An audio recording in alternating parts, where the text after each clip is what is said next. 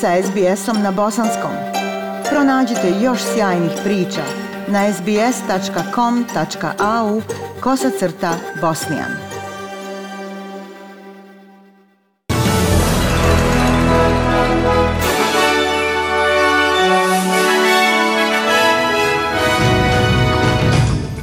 Današnjim vijestima poslušajte. Evropska unija najavljuje planove da odsječe Rusiju od mreže bankarskog sistema SWIFT. Zabilježena 24 smrtna slučaja od covid širom Australije i u sportu vlasnik Chelsea Abramović napušta vođenje kluba.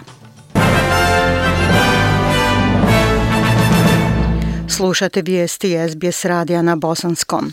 Predsjednica Evropske komisije Ursula von der Leyen objavila je u subotu planove za isključivanje nekoliko ruskih banaka iz međunarodnog bankarskog sistema SWIFT usred invazije na Ukrajinu. Govoreći u Briselu, rekla je da Evropska unija i druge zapadne sile, uključujući Sjedinjene države i Veliku Britaniju, razmišljaju o potezu kako bi osakatili ono što je označila kao ratnu mašinu ruskog predsjednika Putina. Ona je objasnila da bi isključenjem Rusije iz sistema transakcije bile zamrznute, a i za centralnu banku bi postalo nemoguće da unovči sredstva. Evropska unija i njeni partneri rade na tome da osakate Putinovu sposobnost da finansira svoju ratnu mašinu. Prvo, obavezujemo se da osiguramo da određeni broj ruskih banaka bude uklonjen iz mreže SWIFT-a. Rusija tvrdi da je njen napad na Ukrajinu usmjeren samo na vojne ciljeve, ali su mostovi, škole i stambeni kvartovi pogođeni od kako je invazija počela u četvrtak. Port parol laburista za vanjske poslove Penny Wong rekla je za ABC Insiders da bi australska vlada trebala pokrenuti još teže sankcije Rusiji. Vlada bi trebala osigurati da Australija ima najteže sankcije koje možemo i to bismo trebali učiniti u saradnji sa našim partnerima i saveznicima širom svijeta.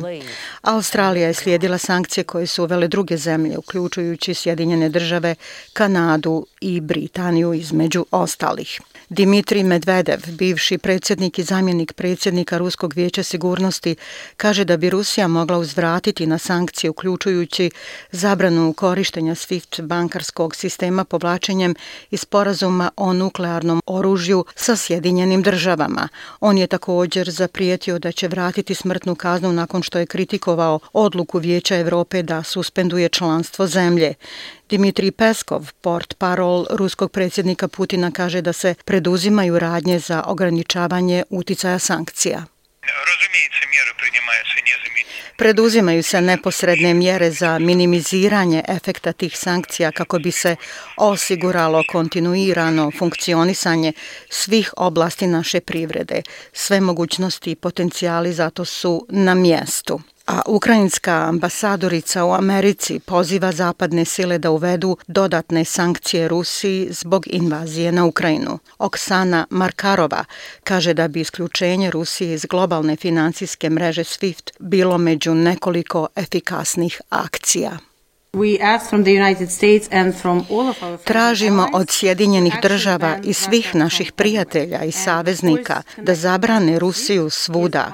i naravno njihovo isključenje iz SWIFT-a je jedna od, vjerujemo, vrlo učinkovitih akcija, a također razgovaramo o svim drugim sankcijama za koje smo sigurni da ih Rusija zaslužuje jer je teroristička država zauzima suverenu zemlju bez ikakvih razloga, bez ikakvog izgovora i što je još važnije najvažnije napada na civile. Ukrajinski predsjednik Vladimir Zelenski izjavio je da je otvoren za razgovore s Rusijom.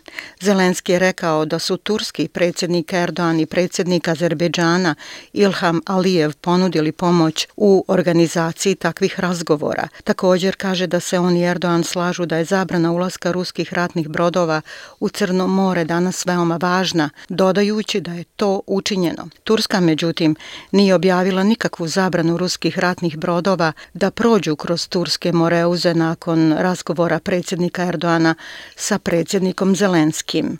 Ukrajinski lider kaže da su ukrajinske diplomate uspjele uvjeriti saveznike te zemlje da isključe Rusiju iz međunarodnog platnog sistema SWIFT.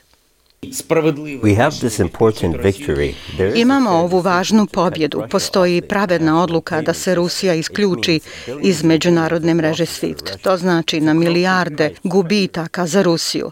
To je konkretna cijena za njenu izdajničku invaziju na Ukrajinu. Zvaničnici SAD-a i Evropske unije rekli su da izbacivanje Rusije iz mreže SWIFT moguće kao dio sljedeće runde sankcija, ali takav potez još nije najavljen.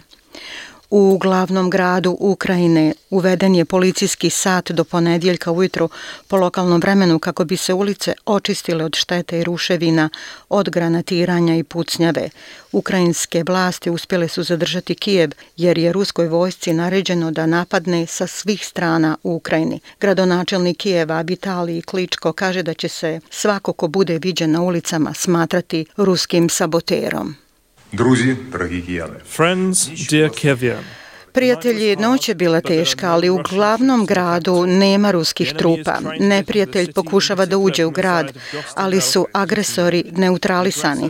Sada u Kijevu djeluju subverzivne grupe, bilo je nekoliko sukoba.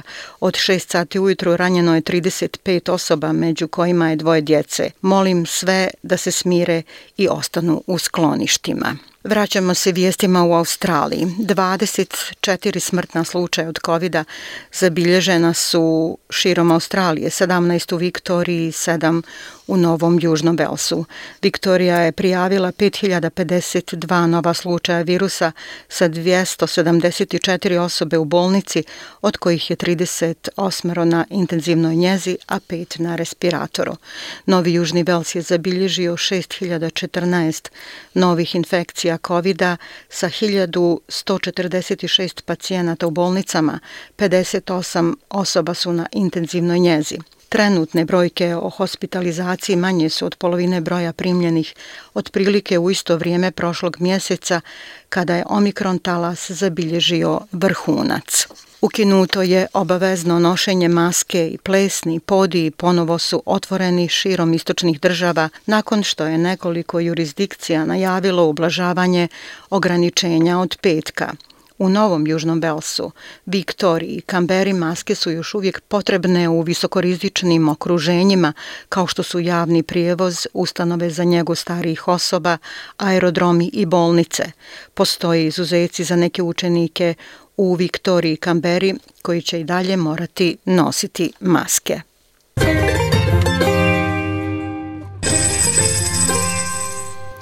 Prema kursnoj listi australski dolar danas vrijedi 0,72 američkog dolara, 0,64 eura, 0,53 britanske funte te 1,25 bosanske konvertibilne marke.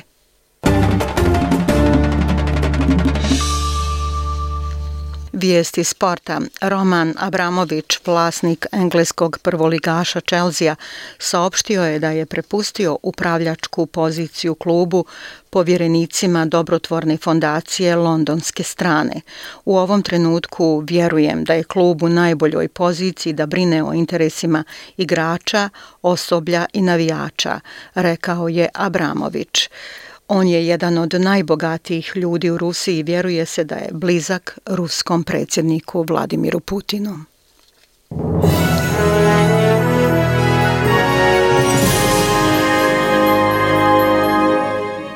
I za kraj vijesti, evo temperaturnih vrijednosti za veće gradove u Australiji. U Pertu oblačno 34, Adelaidu 32 stepena, u Melbourneu dijelimično oblačno 27, u Hobartu 22, Kamberi 24, u Sidneju 23, Brisbaneu 28 i u Darwinu pljuskovi 29 stepeni Celzijusa. Bile su to vijesti SBS radija na bosanskom jeziku. Ja sam Aisha Hadži Ahmetović. Ostanite i dalje s nama.